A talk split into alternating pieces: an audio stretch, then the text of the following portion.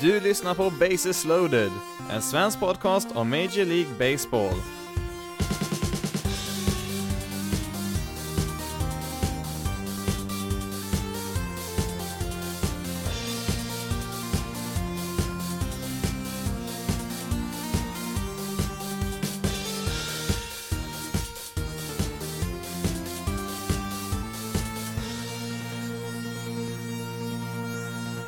Och välkommen till veckans avsnitt av Bases loaded, en svensk podcast om Major League Baseball. I det här avsnittet ska vi kolla lite närmare på vad som har hänt under veckan och så blir det lite grann om draften som kommer köra igång här nu under måndagen, samma dag som det här avsnittet släpps på, men eh, vi tar det lite senare och börjar med nyheterna.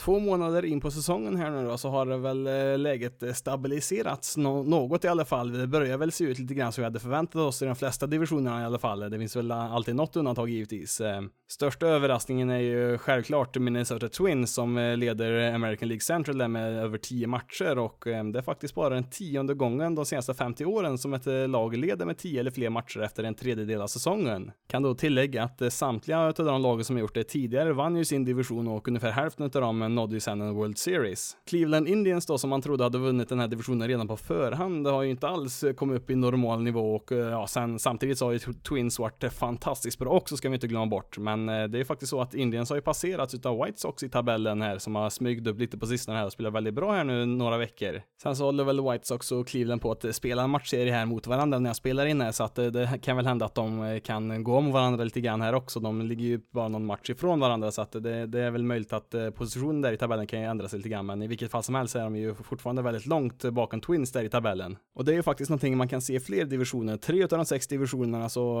är det ju så att eh, den, det laget som leder leder ju med minst åtta matchers försprång där, så att det har ju verkligen sett några lag som har dragit ifrån redan nu. Om vi kollar toppen till botten så är det ju så här att samtliga divisioner har minst eh, två lag som ligger åtta eller fler matcher bakom första platsen där, förutom en, och det är ju National League Central där Cincinnati Red som ligger sist i den divisionen bara är fem matcher bakom Milwaukee Brewers som leder det, som har ju alla lagen inom eh, fem matcher därifrån varandra. Nu kan det ju givetvis hända ganska mycket på de här månaderna som är kvar, men om man kollar på de här lagen i National League Central där så har ju alla en bra trupp. Eh, visst, Pittsburgh och Cincinnati är väl kanske inte favorittippade, men om man kollar vad de har att ställa upp med det så är det inga dåliga lag de har och ja, de har ju har hängt med ganska bra här nu och kan ju ställa till det för ganska många lag här i ligan. En annan division som vi trodde skulle bli väldigt, väldigt jämn, det var ju National League East, men eh, det har vi inte sett så där jättemycket av just nu, utan det är ju Philadelphia och Atlanta där som slåss om plats 1 och 2 just nu. Philadelphia leder med två matcher när jag spelar in. Mets är väl inte helt borta de heller, det är ju fem matcher bakom Philadelphia och ja, även Washington är väl inte helt borta där. Man är åtta matcher bakom i nuläget, men man har väl spelat lite bättre än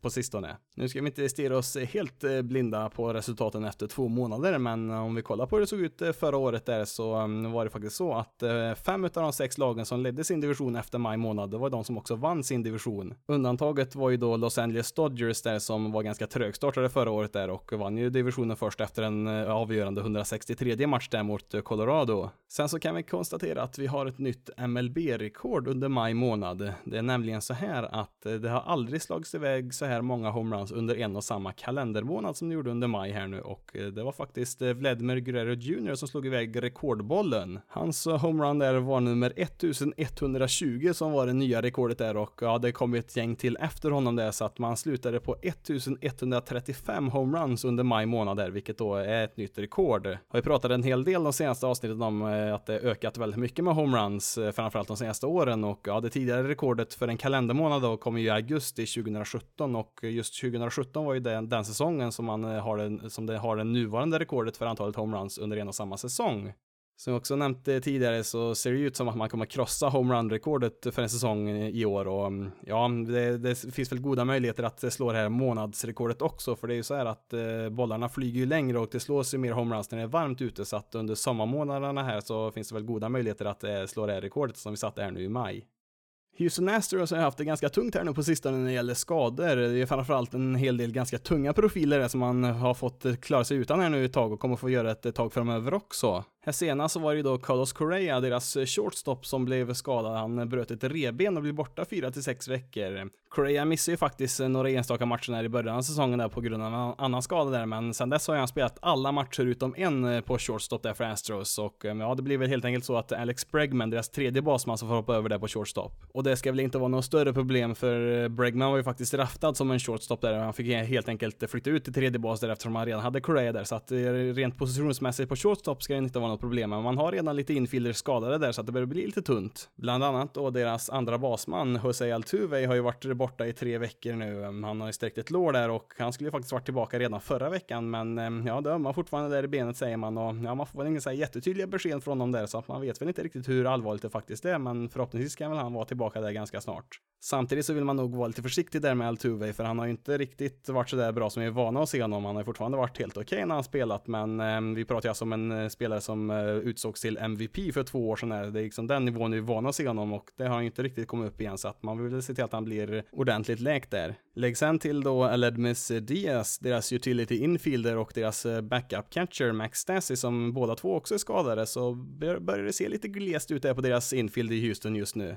Sen så är ju även eh, deras bästa outfielder George Springer borta och ehm, ja, han fick en ganska rejäl sträckning där i låret och kommer väl säkert vara borta ett litet tag här nu och han har ju faktiskt omnämnts där i MVP-race i, år och ehm, ja, han har ju faktiskt eh, varit en av ligans absolut bästa spelare så att Astros saknar honom där också men ehm, nu spelar man ju också i en ganska klen division där man leder ju med över åtta matcher där eh, framför Texas Rangers som är två där just nu och ja, man har ju ganska bra bredd i truppen också så att man kommer nog klara av det ganska bra även om det är ganska stora profiler man saknar här och ja, även deras minor League-system har en hel del bra spelare man kan fylla på med. Och på tal om just eh, Astros minor League-system där så har man även en ganska tung skada där också. Nu pratar vi inte så speciellt ofta om skador i minor League-lagen, men det är faktiskt så att eh, Forrest Whitley, en starting pitcher där, som rankas som ett av de absolut bästa prospects i hela MLB just nu. Den bästa pitchen brukar, brukar han rankas som också och eh, ja, han är skadad här nu också. Han har fått vila lite grann med en sliten axel och ja, man trodde ju att Whitley skulle komma upp och göra sin MLB-debut i år. Han han spelar ju i AAA, alltså den ligan som är direkt under MLB.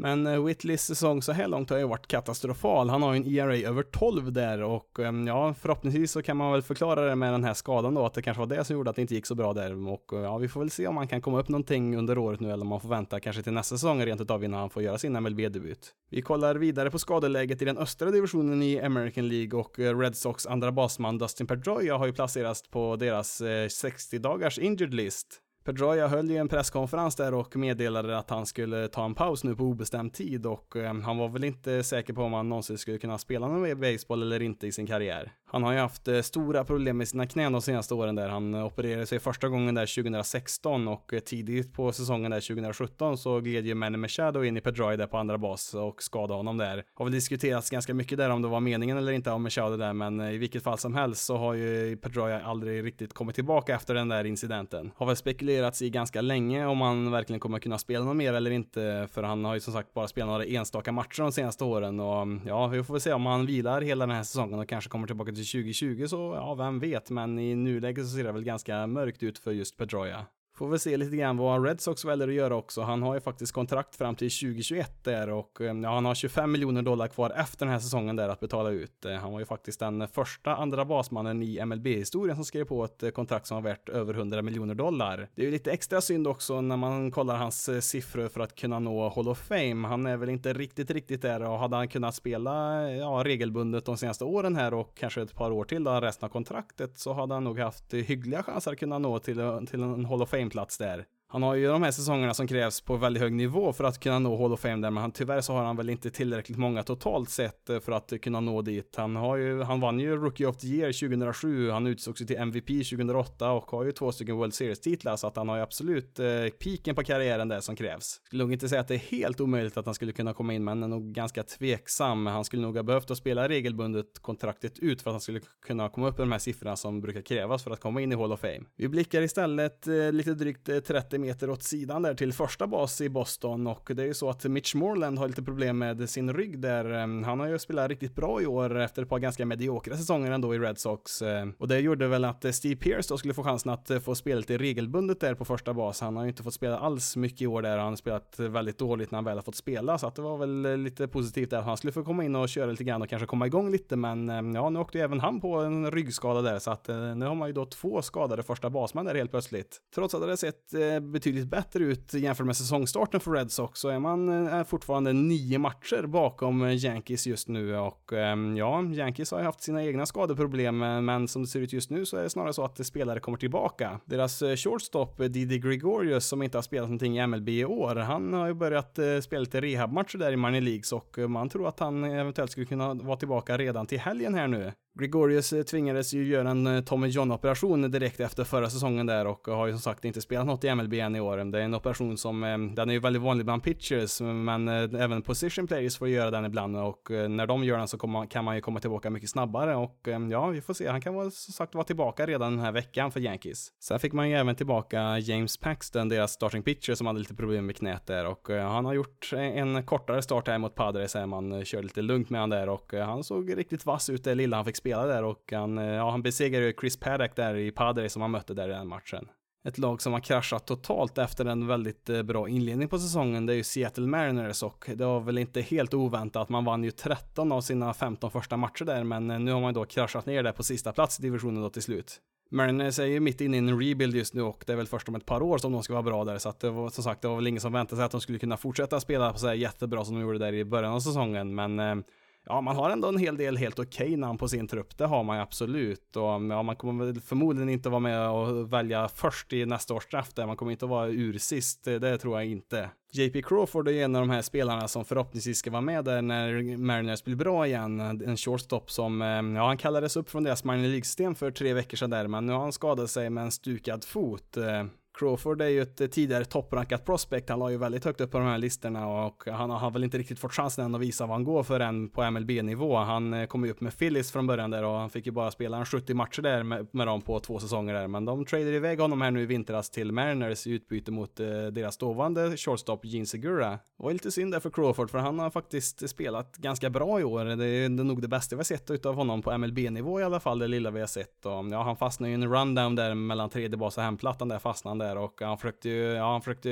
ja, undvika taggen där och vred till på något sätt och fastnade med foten i marken där så att ja, det vred till och stukade till det ganska rejält. Blev ju liggandes där på planen och vred sig ganska ordentligt i smärtor där så att eh, det såg väl ganska illa ut när det väl hände men eh, ja, man undersökte det så var det väl inte riktigt så farligt i alla fall. Men det är inte bara dåliga nyheter för Mariners. Eh, deras eh, tredje basman Kyle Seager har kommit tillbaka i spel nu. Han eh, missar ju säsongsinledningen här med efter att han ryckte av någon sena i handen där som var tvungen att operera och ja, som sagt, han har inte kunnat spela då sen spring training och mm, ja, man behöver verkligen honom där på planen. För även om Mariners som helhet kanske inte är det sämsta laget i MLB så finns det inget lag som är sämre än Mariners på just försvarsspel. Mariners leder ju ligan i antal errors och de gör det överlägset. Man har 64 stycken så här långt och tvåan på listan Chicago White Sox, ja de ligger på 45 stycken där så att eh, ja man behöver verkligen få in Seger där för man har fått spela spelare som absolut inte klarar av tredje bas där när han var borta.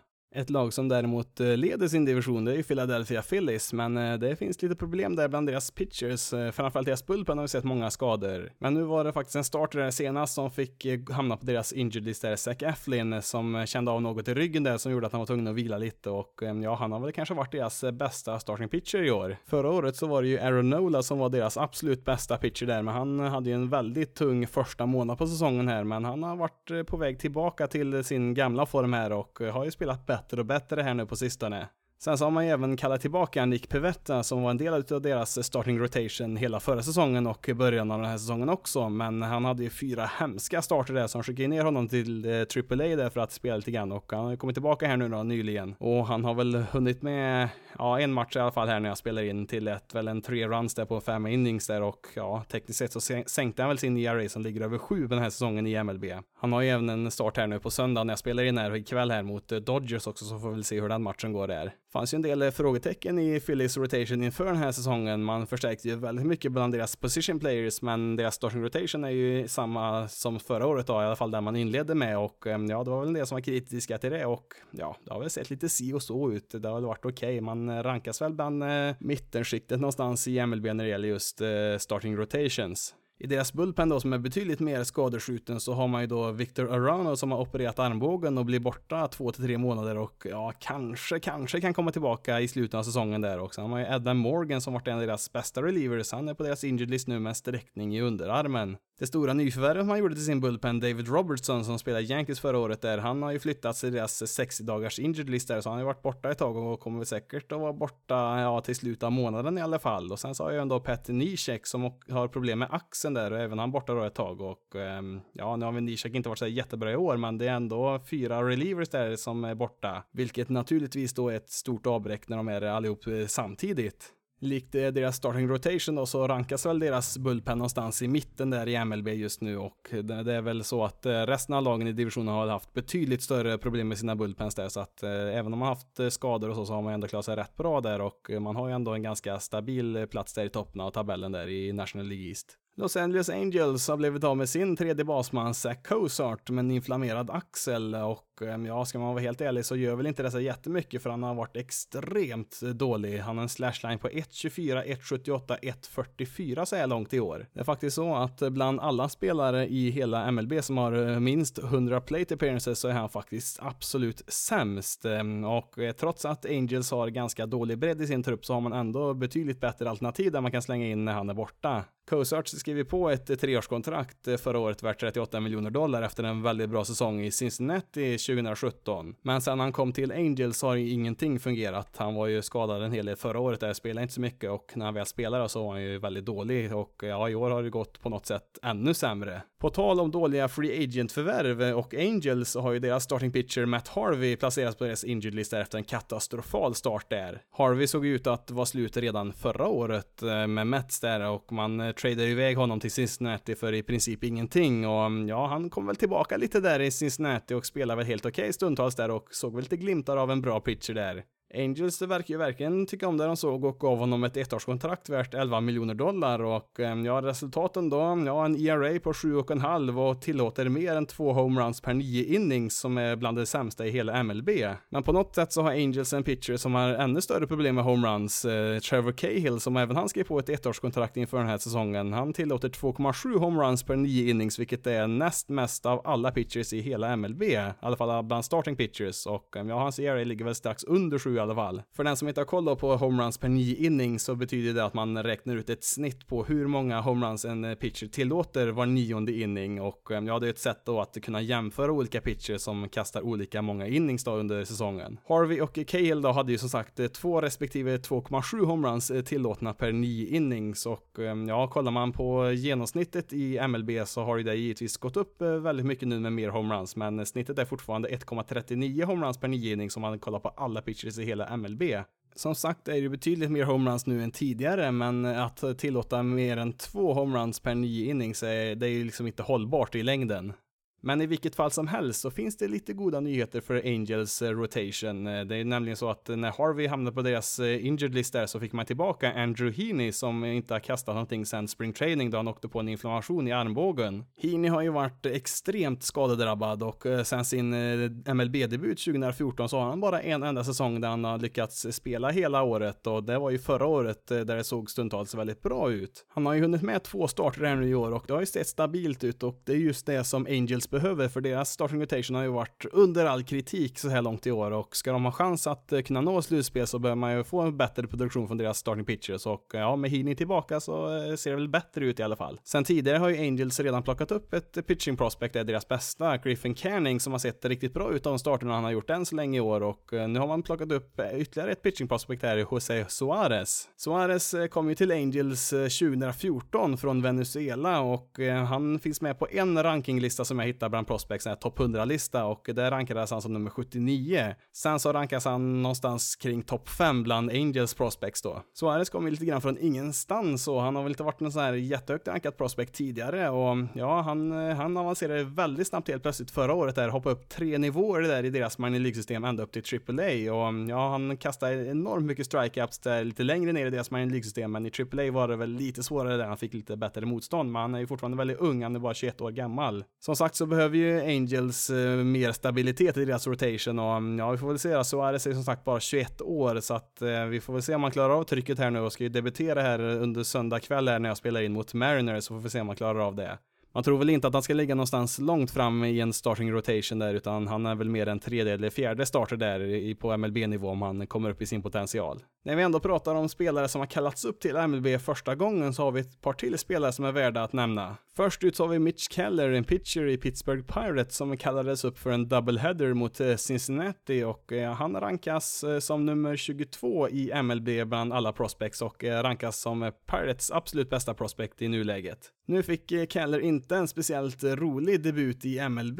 Det var rent ut sagt katastrof där i början. Han fick möta hela 11 motståndare där redan i första inningen och han tillät ju då 6 runs varav en kom på en grand slam där. Trots den inledningen så lugnade han ner sig där och kom igång ganska bra sen efter det. Han hann med tre innings till efteråt där och eh, på de sista tre innings där så tillät han ju bara en enda hit och hade fem strikeouts där så att eh, det var ju starkt att komma tillbaka där i alla fall. Keller draftades eh, 2014 i den andra rundan utav Pirates och var, var väl lite trögstartade där men efter ett par år där så började han ju klättra upp på sådana här topplistor över prospects och ja nu är han ju inne på topp 30 där och tanken är väl att kanske han ska vara ordinarie i deras rotation till nästa säsong. I nuläget så skickar man ju tillbaka honom direkt efter den här matchen och det var väl planen från början också oavsett hur, hur bra eller hur dåligt den här matchen hade gått. Eh, det var ju en double header som sagt där mot Cincinnati så man behövde ju en extra pitcher där så att det var väl därför han kom upp där och eh, ja, det finns väl kanske någon chans att han kommer upp i slutet av säsongen också men eh, det är väl till nästa år som eh, man ska satsa fullt ut på honom. Under veckan som gick här nu så fick vi se Will Smith spela för Dodgers och eh, ja, nu var det inte skådespelaren då eller Giants reliever vi pratar om här utan det var en 24-årig catcher som fick göra sin MLB-debut. Passande nog så valde han ju introlåten från tv-serien Fresh Prince of Bel-Air som sin walk-up-sång där i första matchen och mm, ja, nu vet jag inte om han har så mycket mer gemensamt med skådespelaren mer än namnet där, men det var ju betydligt mer passande för honom jämfört med Bryce Harper som hade samma låt när han gjorde sin första match där i spring training för Philadelphia. I vilket fall som helst så rankas Will Smith 85 bland MLBs prospect och topp 5 i Dodgers system. Han kallades upp här nu när deras ordinarie catcher Austin Barnes fick lite problem med ljumsken. Enligt eh, scouting-rapporten då så lär han väl inte ha något speciellt märkvärdigt betting average, men han har väl en del styrka i svingen där så att han kan få iväg ett gäng homeruns per säsong där och han anses väl vara ganska atletisk för att vara en catcher och kan faktiskt spela på flera andra positioner också, bland annat andra och tredje bas. Men i nuläget då främst en catcher som är rätt bra försvarsspelare där och har väl en eh, ganska stark arm också där som man kan kasta ut base runners med och han är väl kanske inte någon framtida superstjärna så men han ska väl kunna bli bättre än en genomsnittlig catcher i MLB så att eh, han kommer absolut vara användbar. Med det sagt så är han faktiskt inte Dodgers bästa catching prospect. Man har även 21-åriga Cabert Ruiz som rankas eh, topp 25 i hela MLB och ja, han är väl Dodgers bästa prospect överhuvudtaget just nu. Nu är ju Ruiz lite yngre där och är väl uppe i Double A just nu, men eh, ska väl kanske kunna göra sin debut så tidigt som redan nästa år där. Tanken är väl i nuläget att Ruiz ska vara deras eh, framtida catcher där som får spela mest i alla fall utav de här två och eh, nu är det ju så att eh, Smith kan ju faktiskt ha som vi nämnde spela flera positioner där så att det kan ju faktiskt gå att ha båda de här två på samma roster. Eftersom man har de här två unga spelarna där så var det väl säkert en av anledningarna till att man inte ville ge något längre kontrakt där till Yasmani Grandal som var deras tidigare catcher där. Han lämnar ju som free agent här nu i vintras och hamnar i Brewers istället. Nu har ju Smith hunnit med att spela ett par matcher där och eh, fick faktiskt iväg ett par hits där i debuten mot Mets och eh, fick också iväg en walk-off homerun här nu i helgen mot eh, Phillies. Avslutningsvis tänkte jag att vi skulle ta en spelare som har gått motsatta vägen och skickats ner till eh, minor leagues efter att ha etablerat sig egentligen i MLB och det är ju Kyle Freeland, starting pitcher i Colorado. Freeland som slutade fyra i Cy Young-omröstningen förra året eh, blir då nedflyttad efter en katastrofal start i år. Han har en ERA som ligger över sju så här långt i år. Det är lite av ett mysterium här vad som har hänt med Freeland, för om man kollar på hans siffror så ser det relativt lika ut jämfört med vad han gjorde förra året där när han var väldigt bra. Det är ju resultaten då som har gått emot honom. Det enda vi kan se någon större skillnad på jämfört med förra året är att han tillåter motståndarna att få betydligt bättre och hårdare kontakt med bollen och ja, som resultat så har han tillåtit 2,4 homeruns per nio innings, vilket är väldigt, väldigt högt. Sen vad det i sig beror på, det är inte det är lite mer oklart. Ehm, visst, eh, att bollen har förändrats och att det blir mer homeruns, eh, så är det ju givetvis och det kanske har drabbat honom lite mer än vad det gjort andra pitchers. Det kan säkert vara en del i det, men ehm, att det skulle bli en sån stor skillnad var det nog inte så många som trodde. Men man hade väl kanske trott inför säsongen att man inte skulle räkna med att eh, Freeland skulle vara riktigt lika bra som förra året. Det kanske inte var riktigt hållbart att spela på den nivån, men att han skulle vara en av ligans sämsta starting pitchers, det var nog inte många som trodde heller. Trots freelance-problem så har ändå Colorados trend pekat spikrakt uppåt. Man hade ju en väldigt tung inledning på säsongen där, men nu har man vunnit åtta av de senaste tio här och är uppe på andra platsen där i divisionen. Visserligen nio matcher bakom Dodgers, men det går ju åt rätt håll i alla fall.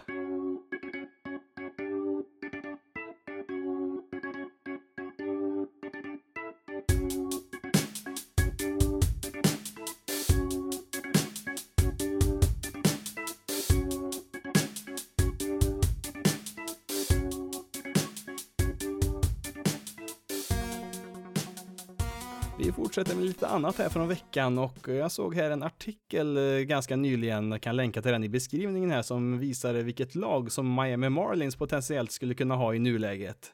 Miami har ju flera gånger under sin relativt korta historia totalt nedmonterat eh, sina lag, alltså ganska bra lag som har vunnit World Series och så vidare eh, av olika anledningar. Nu är det väl inte någon större hemlighet att eh, Miami har skickat iväg ganska många bra spelare de senaste säsongerna här, men eh, när man ser listan framför sig så är det ju helt otroligt vilket lag de skulle kunna ha. Det man brukar nämna mest av allt är ju deras outfield som de hade här för ett par år sedan. Giancarlo Stanton, Marcel Osuna och Christian Jelic. Stanton är ju en eh, före detta MVP och eh, Christian Jelic är ju den regerande MVP just nu i National League och eh, ja, han skulle ju lika gärna kunna vinna den i år igen som han spelar. Marcelo Sunas första säsong i Cardinals förra året det var väl inte jättelyckad, men han har ju kommit tillbaka starkt i år och spelat väldigt, väldigt bra så här långt den här säsongen. Förutom de här tre så hade man även förra året en viss Derek Dietrich som spelade lite grann i deras outfield och ja, vi kommer till honom lite mer senare. Inför den här säsongen så tradade man ju iväg deras catcher JT till Philadelphia där och eh, ja, han är ju en av ligans bättre catchers just nu och ja, på andra bas där så hade man ju tidigare D. Gordon där som man tradade iväg till Seattle där för ett par år sedan och ja, han var inte helt dålig han heller. Kombinerar man det med nuvarande spelare som finns där, Brian Anderson på tredje bas, Neil Walker på första bas och Miguel Rojas på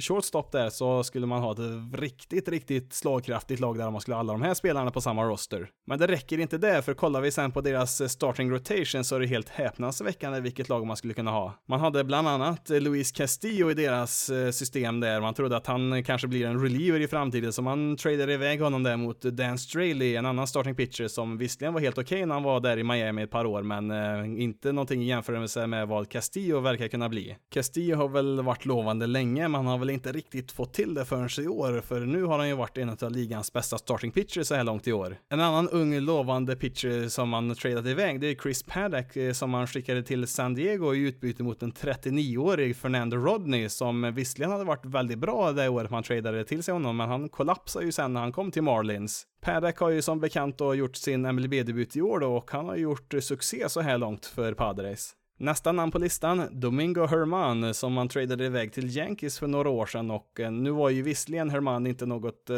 större prospect vid den här tiden han tradades, eh, så det var väl en liten chansning där från Yankees sida att eh, plocka med honom där i traden, men eh, det har ju lyckats väldigt bra för han har ju etablerat sig i Yankees rotation i år och har ju varit väldigt viktig i deras framgångar i år när de haft så mycket skador där. Vi kan väl fortsätta med ett fjärde namn när vi ändå är igång. Trevor Williams skickar man iväg till Pittsburgh Pirates och eh, ja, han har ju etablerat sig på allvar här nu i MLB de senaste säsongerna här och spelar riktigt, riktigt bra. Vi skulle kunna fortsätta ett tag till med en del andra namn man har skickat iväg någon gång, men eh, ja, nu har vi inte tid med alla de här och ja, sen är det väl så här också, alla lag har ju skickat iväg spelare som helt plötsligt blivit väldigt bra i ett annat lag. Det är, så, så är det ju absolut, men om man kollar på alla spelare som Miami just har skickat iväg så är det ju, ja, man kan nästan inte tro att det är så många spelare på så här kort tid de har skickat iväg som har blivit så bra i andra lag. Sen så har man givetvis eh, specialfall som deras starting pitcher Jose Fernandez som gick bort där för några år sedan och ja, det kan man ju inte göra så sådär jättemycket åt, men det mesta talar väl för att de hade de haft möjligheten så hade väl han också tradat bort. Då kanske man skulle kunna tro att med så här många bra spelare i ett och samma lag så skulle det bli väldigt, väldigt dyrt och mm, ja, det skulle det kunna vara, men det är faktiskt så att om man lägger upp alla de här spelarna som nämndes i den här artikeln då så skulle man komma upp i sammanlagt 110 miljoner dollar, alltså en payroll som är mindre än genomsnittet i hela MLB. Till och med snåla Miami borde ju kunna klara av att betala av de lönerna och mm, ja, med det laget så skulle man ju definitivt eh, få in betydligt fler åskådare där i arenan som brukar stå ganska tom nu för tiden. Men tyvärr då för Marlins del så har det ju varit en ganska dysfunktionell organisation de senaste åren, eller ja, inte bara de senaste åren, det har varit under en längre tid. Visst har man ju då blivit av med sin ökända ägare där, Jeffrey Loria, där som har ägt laget under många år och ja, han hade väl inte många rätt beslut i sin tid där och Ja, den nya ägargruppen där med Derek Jeter i, i spetsen där har väl inte eh, lyckats speciellt mycket bättre så här långt. Eh. Sen så får man givetvis ge dem lite tid också. Det tar ju mer än något enstaka år innan man vänder en så här tragisk organisation som Miami Marlins. Men eh, ja, vi får väl se helt enkelt. Och vissa trader har man ju inte heller kunnat se om de, om de har lyckats med dem eller inte eftersom att man fått en del minor League-spelare som kommer ta lite tag innan de eh, innan de är uppe på MLB-nivå så att det är lite svårt än så länge att säga om man eh, har fått ut bra värde utav dem eller inte. Samtidigt så är det väl tveksamt om man eh, får tillbaka tillräckligt med värde för att ersätta en spelare som Christian Jelic som går och vinner en MVP-titel direkt när han lämnar Miami. Då var det ju den här Derek Dietrich som vi nämnde här nyss. Eh, mannen från ingenstans. Eller ja, Miami kom han ju från här senast, men det skulle lika gärna kunna vara ingenstans, för det är ju lite ingenmansland där just nu i Miami. Men vem är då Derek Dietrich? Jo, han draftades en gång i tiden utav Tampa Bay, 2010 rättare sagt, i andra rundan där och han hamnade till slut då i Marlins där som han debuterade för 2013. Hade väl ändå ett eh, par ganska okej okay säsonger där i, i Miami. Hade svårt att få speltid regelbundet där, men var väl ändå produktiv när han väl spelade. Efter förra säsongen där så ansåg ju då Miami att man inte längre hade råd att betala hans lön där i arbitration. Han skulle få någonstans runt eh, 4 miljoner dollar där om man hade tagit tillbaka honom där och ehm, ja, nej, man valde att eh, släppa loss honom där istället för att ha kvar honom. I slutet av februari här i år då så skrev han till slut på ett eh, minor League-kontrakt med Cincinnati och ja, där stod det att om han kommer upp på deras MLB-roster där då, så skulle han få 2 miljoner dollar i år. Man hade väl tänkt att om han kommer på deras roster där så blir väl han kanske en backup-spelare där på lite olika positioner. Nu blev det ju så här att Cincinnatis andra basman, Scooter Gennett, blev ju skadad här inför säsongen och det gjorde ju att Dietrich fick ta en plats där från eh, opening day och eh, ja, han har ju varit sensationell så här långt i år. Förra året i Miami där så slog han faktiskt ett nytt eh, personligt rekord där för antalet homeruns på en säsong när han slog iväg 16 stycken på 551 plate appearances. I år så har han slagit iväg 17 stycken redan på bara 145 plate appearances och ehm, ja, totalt har han eh, 32 stycken hits så att det betyder att eh, mer än hälften av hans hits har ju gått för homeruns så här långt i år. Under de två första månaderna på den här säsongen så har han ju faktiskt varit en av ligans absolut bästa slagmän. Det är ju bara sådana här spelare som Bellinger, Trout, Jelic och några till där som har varit bättre än eh, Dietrich så här långt i år. Framförallt så är det då Pirates som han har terroriserat lite extra mycket i år och han slått en hur många homeruns som helst mot dem. Det var ju bland annat eh, Dietrich som var inblandad där när det blev lite bråk tidigare i år där mellan Pirates och Reds. Han hade väl stått och beundrat någon eh, homerun-boll där lite för länge tyckte man och eh, ja, det blev lite bråk när man kastade bollar på varandra där och mm, ja, då blev, kom ju ut där och skulle gruffa lite med varandra där och ni kanske sett den här bilden när Jasel Puig där, Dietrichs eh, lagkamrat, eh, försöker ta sig an hela Pirates roster helt själv där. Men i vilket fall som helst, eh, Dietrich har ju fortsatt på samma stil här resten av året ändå och ja, nu förra veckan här då, så när man mötte Pirates igen så fick ju en av deras radiokommentatorer där i Pittsburgh nog, John Wiener, han fick något utbrott där och tog väl var, varenda chans han fick där att kritisera Dietrichs beteende. Wiener då, den här kommentatorn menar väl att det är väl en sak om man är en superstjärna eller Hall of Famer, då kan man väl få får hoppa runt och göra lite som man vill när man gör en homerun, men han tycker att en sån spelare som Dietrich, som ingen visste vem han var förra året, han borde väl egentligen bara hålla huvudet nere där och eh, springa runt banorna där om man slår en homerun. Och på den stilen så fortsatte det där på radio i Pittsburgh. Eh, han eh, sa ju bland annat också att Dietrichs morfar förmodligen ligger och vrider sig i graven över det här beteendet. Hans morfar hade ju faktiskt spelat några matcher själv i MLB och var en minor League coach i Pirates system en gång i tiden. Smaklös skulle man kunna tycka, men ja, nej, Wiener var inte färdig där. Han fortsatte med att antyda att någon någon säkerligen kommer att försöka kasta på Dietrich här om han fortsätter på det här viset att eh, showa så här och eh, ja, förmodligen så kommer han förtjäna det också då enligt den här kommentatorn. Hur svarade då Derek Dietrich på det här? Dietrich has six of his home runs this year, of the 16 against the Pirates. Score oh that. my gosh, he's done it for the third time tonight! Derek Dietrich! He can't even believe it. His mom and dad are here, blows him a kiss in the stands. Wow!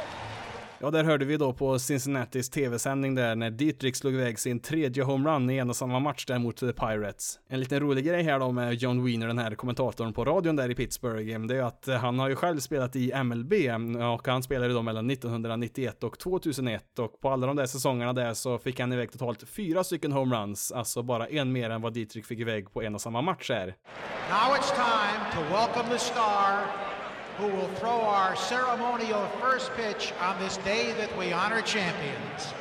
And how happy we are that amidst this celebration and joy, this Red Sox alumnus has come back to join us.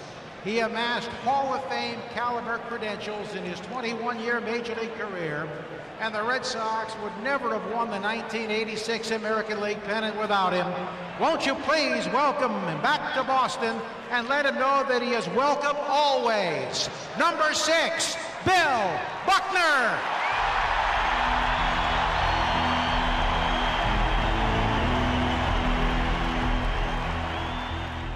Där hörde du för detta spelaren Bill Buckners återkomst till Fenway Park 2008. Det är nämligen så att eh, Bill Buckner avled här nu förra veckan, 69 år gammal. Buckners MLB-karriär började ju 1969 och han pensionerade sig först då 1990.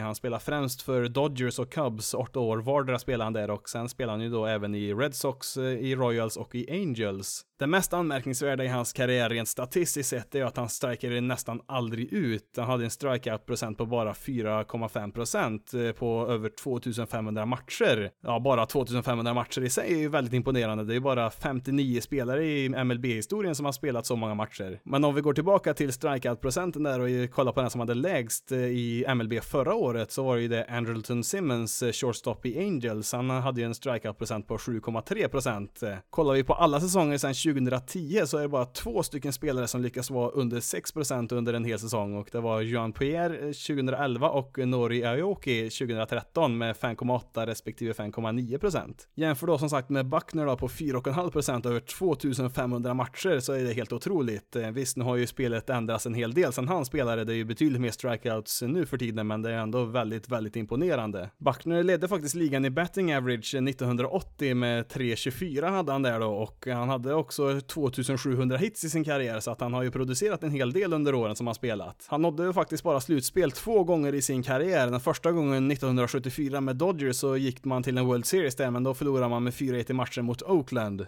1986 så var det dags igen för Buckner att spela i slutspelet, den här gången med Red Sox och även den här gången så kom han till en World Series. Tyvärr för Buckners del så skulle det bli förlust även i den här World Seriesen här mot Mets den här gången och eh, det var ju ett av hans misstag som skulle bli ett av de mest kända spelen i hela MLB-historien. Det var ju då i den sjätte matchen där som Red Sox hade chansen att eh, ta hem sin första World Series-titel sedan eh, 1917 och eh, ja, man var ju bara någon enstaka out ifrån att eh, ta titeln här, men eh, Mets lyckades på något sätt kravla sig kvar där och kämpa sig tillbaka och ja, det var ju fler misstag än Buckner här i den här matchen. Bland annat så var det en wild pitch där som gjorde att Mets kunde kvittera matchen, men det var just Buckners misstag där i extra inning som, som blev ihågkommet där, för det var ju det direkt avgörande för matchen uppkom ju då Mats eh, Mookie Wilson och slog iväg en groundball där som såg ut att vara en rutinboll där för Buckner vid närheten av första bas, eh, men då hände det här. So the winning run is at second base with two out, three and two to Mookie Wilson. Little roller up along first, behind the bag, it gets through Buckner. Here comes Knight and the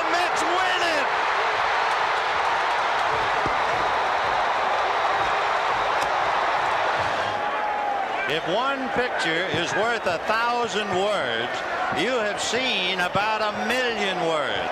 But more than that, you have seen an absolutely bizarre finish to Game 6 of the 1986 World Series.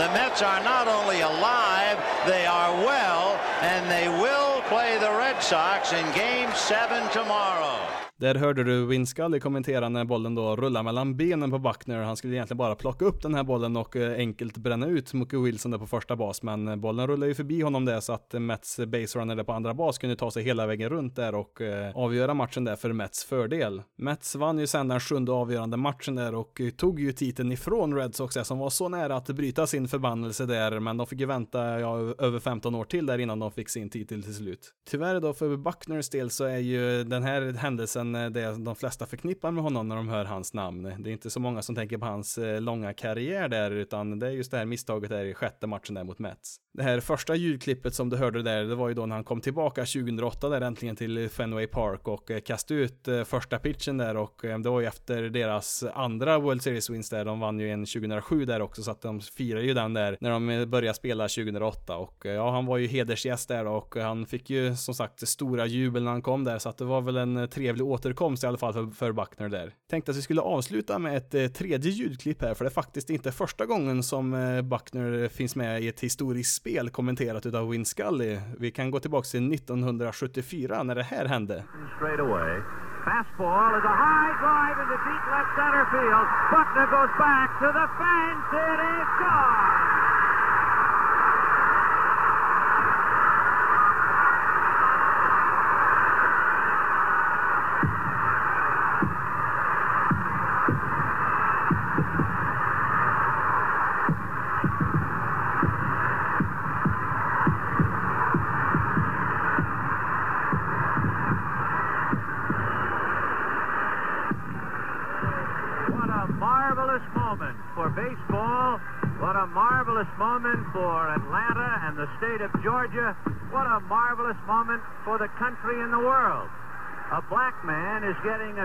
Standing ovation in the Deep South for breaking a record of an all-time baseball idol.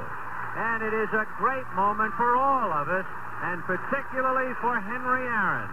Det där var ju då Hank Aarons historiska 715 homerun som gjorde att han passerade Babe Ruth på listan över flest homeruns i karriären. Även om ljudkvaliteten kanske inte var den bästa så kanske du hörde att han nämnde Buckner här. Han eh, var ju en outfielder för Dodgers som var motståndarna här och eh, han försökte då klättra upp på väggen där och eh, plocka ner den här bollen innan han gick över staketet men han nådde ju inte riktigt där och fick istället bevittna baseballhistoria på det här spelet.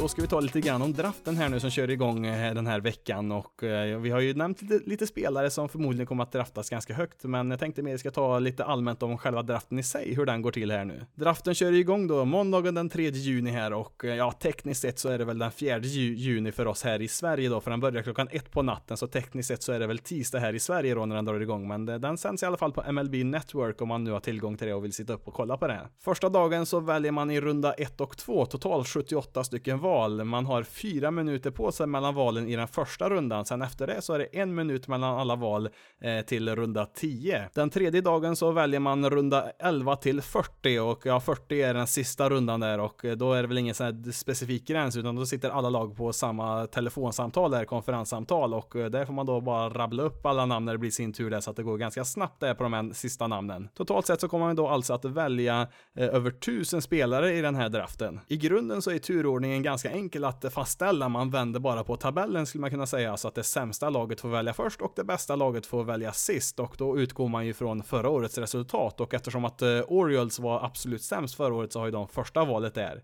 Red Sox var ju det bästa laget i hela MLB förra året och eh, då får ju de välja sist. Nu är det ju lite mer komplicerat än så här, för det finns lite olika kompensationsval som ska letas in på olika ställen och eh, en del lag ska då flyttas ner och upp beroende på lite olika kriterier. Till exempel i den första rundan så finns det 32 stycken val, även fast det bara finns 30 lag i ligan och det beror på att eh, tre av lagen förra året misslyckades med att skriva på kontrakt med sina första val. Det innebär då att man får ett nytt draftval i nästa års draft som är då en placering längre bak. Exempel Atlanta Braves draftade Carter Stewart som nummer åtta i förra årets draft och eh, som vi nämnde i förra avsnittet där så blev det ju lite krångel där och han skrev ju inte på ett kontrakt med Braves så att eh, de fick ett nytt draftval i årets draft istället på plats nummer nio. Och då har ju Braves också ett ordinarie draftval på plats nummer 21 så att man har både det nionde och 21 draftvalet i årets draft. Då kan man ju undra varför är det då inte 33 val i första rundan eftersom det var tre lag som fick ett extra draftval det här året istället och eh, ja, det beror på att Boston Red Sox hade ganska höga löner förra året. Det är ju så här att det inte finns något fast lönetak i MLB. Du kan i princip eh, spendera hur mycket du vill som helst på löner, men det finns vissa straff som man får då när man kommer över en viss gräns som brukar vara lite grann över 200 miljoner dollar. Beroende på lite grann hur mycket man går över den här gränsen så får man betala en viss skatt på den här summan man kommer över där som de andra lagen får ta del av och sen så kan man även få sina draftval eh, nedflyttade som Boston har fått här. Egentligen så skulle Red Sox ha draftat eh, som nummer 33 i den här draften, sista valet där i första rundan eftersom de var bäst förra året. Men nu är det ju så här då att eh, man var ju så pass långt över den här lyxskatten att man fick flytta ner sitt draftval 10 placeringar till plats nummer 43. Alltså det andra valet i runda 2. När den första draftrundan är över så börjar man inte direkt med runda 2 utan här ska det komma in lite mer kompensationspick som har lite andra kriterier. Till exempel så har Arizona Diamondbacks val 33 och 34 som kompensation för att de har tappat ett par free agents och det var ju då AJ Pollock som gick till Dodgers och Patrick Corbin, en pitcher som gick till Nationals. Det är ju så här att eh, Diamondbacks erbjöd Corbin och Pollock ett qualifying offer innan de blev free agents, alltså ett ettårskontrakt värt ungefär 18 miljoner dollar, kan variera lite grann från år till år det där vilken summa det är. Det tackar ju båda de här två spelarna nej till och det innebar att eh, om de här två spelarna skrev på för ett annat MLB-lag så skulle Diamondbacks då få ett kompensationsval i draften, eller nästa års draft. Och eftersom det var två spelare som man erbjöd det här till och de två skrev på med andra lag så fick de ju då två stycken val efter första rundan. Nu ska jag inte gå in i varenda detalj här med qualifying offers för det kan vara ganska komplicerat här vart de här eh, kompensationsvalen hamnar, vilket, efter vilken draftrunda och så vidare. Det finns lite olika kriterier för det, men eh, så jag vill lite kort eh, sammanfatta så här att eh, för att ett lag ska kunna erbjuda ett qualifying offer till en spelare så måste den spelaren ha varit på truppen hela säsongen. Eh, till exempel Manny Machado som tradades iväg efter halva förra året här till Dodgers kunde inte erbjudas det när han blev free agent. Bryce Harper som spelade hela året med Washington Nationals, han kunde man erbjuda ett qualifying offer och det gjorde man, men Nationals kommer bara få ett kompensationsval efter den fjärde rundan. Nationals var ju ett av de här lagen som la över lyxskattegränsen förra året där och eh, som ett av de här straffen som de får då, det är att de får det här kompensationsvalet längre bak i draften, alltså efter runda fyra för Bryce Harper då. Det finns även en del ekonomiska kriterier, dels för hur mycket den här spelaren skriver på sitt kontrakt för. Är det över en viss gräns så hamnar draftvalet på, på ett ställe, är det värt mindre än en viss summa, då hamnar det på ett annat ställe. Sen är det så här att eh, de är lite fattigare lagen, om man ska säga så, de som inte kommer från de här absolut största städerna, de får också lite mer fördel att de får lite högre kompensationsval än vad de här rikare lagen gör. Som om inte det här vore nog så finns det ytterligare en kompensationsrunda här som man ska genomföra innan eh, den ordinarie andra draftrundan kör igång. Det är ju så här att några av de här lagen som kommer från lite mindre städer som inte har lika mycket fans och så här, som inte kan tjäna lika mycket pengar för att de ska kunna komma ikapp de andra lagen som har lite, lite mer resurser så får de ett extra draftval här innan andra rundan kör igång så att det är några lag som ska klämmas in här och få välja några spelare. Det som är lite extra speciellt med den här sortens eh, kompensationsval är att de här är de enda draftvalen som går att eh, tradas. I andra sporter så är det ju väldigt vanligt att man använder draftval när man tradar spelare med varandra och eh, i baseball så är det ju betydligt mer ovanligt. Det är just bara de här specifika kompensationsvalen som man får göra det här med i nuläget. Nästa viktiga del är ju då att varje draftval i de tio första rundorna är sammankopplade med en viss summa pengar och eh, den summan pengar bestämmer ju då hur mycket pengar man får spendera här i draften. Exempelvis så är det första draftvalet som Orioles har värt 8,4 miljoner dollar. Sen så kan ju faktiskt Orioles eh, välja att erbjuda sitt eh, första draftval där mer eller mindre än den summan pengar. Val 2 ligger sen på 7,7 miljoner dollar och sen så går det ju successivt neråt där då så att varje val blir mindre och mindre värt. Om man fortsätter ner sen så är ju val nummer 30 värt 2,2 miljoner dollar så att eh, det, sjunker ju ganska snabbt där i första rundan värdena på valen där. Sen så i femte rundan där, första valet är det värt 400 000 dollar och de sista valen där i runda 10 är värt 142 000 dollar. Nu är man ju som sagt inte låst på en summa pengar på varje draftpositioner, utan man får ju lägga ihop alla pengar man har på alla sina draftval. Så att eh, Orioles eh, kan ju lägga ihop sina 8,4 miljoner dollar och sen plussa på även eh, sitt nästa val där som är värt 1,7 miljoner dollar och så vidare, va? så att man får en större summa pengar där att man, som man kan spendera lite grann hur man vill. Mest pengar har ju faktiskt eh, Diamondbacks i år för att de har väldigt många kompensationsval som ligger ganska högt i draften. Man har faktiskt sju av de 75 första draftvalen som är innan eh, runda tre ens har börjat, så att man kommer att få ganska många ganska lovande spelare här nu i år. Totalt så har ju Diamondbacks eh, 16 miljoner dollar att spendera, vilket är nästan 2 miljoner dollar mer än eh, tvåan på listan som är Baltimore Orioles. Eh, det betyder ju också då att Diamondbacks kan chansa lite mer och välja lite mer riskabla val där, alltså, alltså spelare som kanske inte hade tänkt att skriva på för ett MLB-lag i år, utan hade kanske valt att spela på college istället. Och har man lite extra pengar så kan man ju kanske locka över lite fler spelare. Vilka spelare är det då som får väljas i draften? Jo, det är ju först och främst då spelare som är från USA och deras territorier som Puerto Rico och lite andra ställen och även Kanada är med i draften. Spelare från andra länder, de har lite andra regler hur man får värva dem och jag tänkte vi ska väl ta upp dem i ett annat avsnitt där det blir lite mer aktuellt spelarna som är tillgängliga i USA och Kanada, det är de spelarna som har gått ut high school och ja, det kan väl jämföras ungefär som gymnasium här i Sverige då. Det som gör det lite extra intressant här nu med framförallt high school-spelare, det är att de har ju ett val att göra här, antingen om de blir draftade utav ett MLB-lag att skriva på med dem och börja spela i deras minor League-system. Men de bästa spelarna har ju också fått erbjudande att spela på olika college, så att dels studera då och även spela baseball där och får de inte ett erbjudande som de inte tycker om det från MLB där i draften så kan de ju helt enkelt välja att spela på college istället. Det är ju då att ett lag som Diamondbacks har en ganska stor fördel här eftersom de har så himla mycket pengar så kan ju de lägga till lite extra pengar till varje spelare och försöka övertyga dem att komma och spela för dem istället för att spela på college. Det här innebär ju då att eh, vissa lag kanske väljer att inte välja den bästa tillgängliga spelaren. Det kan ju vara så här att man har fått reda på att den här spelaren kommer kräva väldigt mycket pengar för att skriva på istället för att spela på college och då tänker man att ja, men då sparar vi de pengarna och lägger på en annan spelare så att vi har mer pengar senare i draften. Ibland så väljer lag avsiktligt en lite sämre spelare i sitt första val där så att de kan erbjuda den en lite lägre bonussumma där och istället spendera på lite mer bredd i sin draft där att få lite bättre spelare lite längre ner i draften. Om en high school-spelare sen då väljer att spela på college ändå så kan den komma tillbaka i draften lite senare. Antingen så spelar man på ett junior college i ett år och sen kommer man med i draften igen. Eller så går man på ett vanligt college och då kan man draftas efter man har varit där i tre år eller efter man har fyllt eh, 21.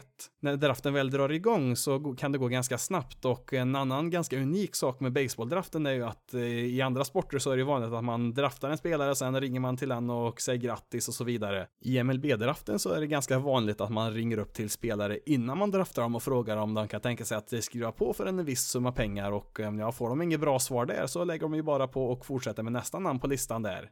När man då har blivit draftad så har man ungefär en månad på sig då mellan en spelare och lag att skriva på ett kontrakt, hur mycket den här bonusen man ska vara på och så vidare. Om man inte kommer överens, ja då får ju spelaren då antingen fortsätta spela på college eller vara med i nästa års draft eller något sånt där.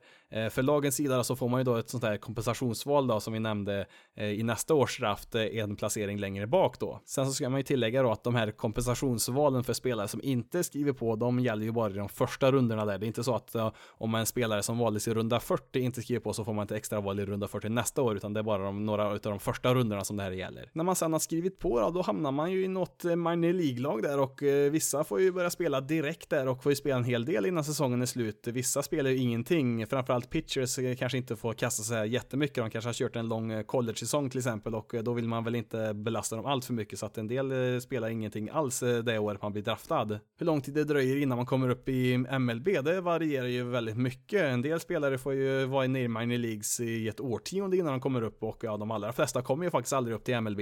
Om vi kollar på förra årets draft så är det inte en enda av de spelarna som har gjort sin MLB-debut än. Sen skulle väl kanske en del argumentera att en spelare som Casey Mice som gick som nummer ett förra året där till Detroit Tigers, en pitcher, han skulle nog säkert kunna göra bra ifrån sig i MLB redan idag. Men nu har ju inte Tigers eh, något incitament att göra det. Man spelar ju inte för någonting i år utan man eh, vill väl hellre hålla kvar honom där nere i AA som han spelar just nu och kanske kan få göra sin MLB-debut ut nästa år istället. Om vi går ytterligare ett år bakåt till 2017 så är det faktiskt bara fem spelare från den draften som har gjort sin MLB-debut än så länge. Sen så får vi gå bak ända till 2014 för att hitta en draft där samtliga lag har draftat minst en spelare som har gjort en MLB-debut. Så det kan ju dröja ganska länge med andra ord innan de här lovande spelarna kommer upp på MLB-nivå. Så där, då har vi tagit lite praktiskt om hur själva draften går till där. Hoppas att det inte blev allt för krångligt där. Det blir ju så självklart när man pratar med sig själv här i mikrofonen, men förhoppningsvis så gick det väl att förstå sig på även för er som satt och lyssnade på det här. Då får det nog räcka för det här avsnittet. Eh, tyvärr så hinner jag inte med tv-tiderna här som jag brukar göra på slutet. Det har varit lite hektiskt här att få ihop det här avsnittet till slut, så att vi får förhoppas att det kan få med dem i nästa veckas avsnitt. En del saker som jag har tagit upp i det här avsnittet och ja, även andra avsnitt tidigare också hade jag väl tänkt att kanske utveckla lite mer detaljerat någon gång eh, och det blir väl lite bättre på hemsidan basisloaded.se för att det är, vissa saker förklaras ju bättre med text istället för att sitta här och prata i mikrofonen om dem. Har ju ett par veckor kvar här nu, jag behöver ligga i lite grann han eh, runt omkring, jobbar ju som lärare så jag har ju snart ett långt och fint eh, sommarlov här och när jag har den lite extra tiden där under sommaren här så ska jag nog kunna eh, producera lite mer material, framförallt på hemsidan där och fylla på den lite mer så att det finns lite mer att eh, få tillgång till där. Du kan följa Basis Loaded på sociala medier på Twitter, Facebook och Instagram. Då letar du upp Basis Loaded SE. Om du skulle vilja mejla någonting så kan du skicka det till basisloadedse gmail.com. Men nu har jag pratat tillräckligt för idag. Mitt namn är Jonathan Fabri. Jag är jätteglad att du har valt att lyssna på det här avsnittet av Basis Loaded. Ha det bra där ute så hörs vi i nästa veckas avsnitt.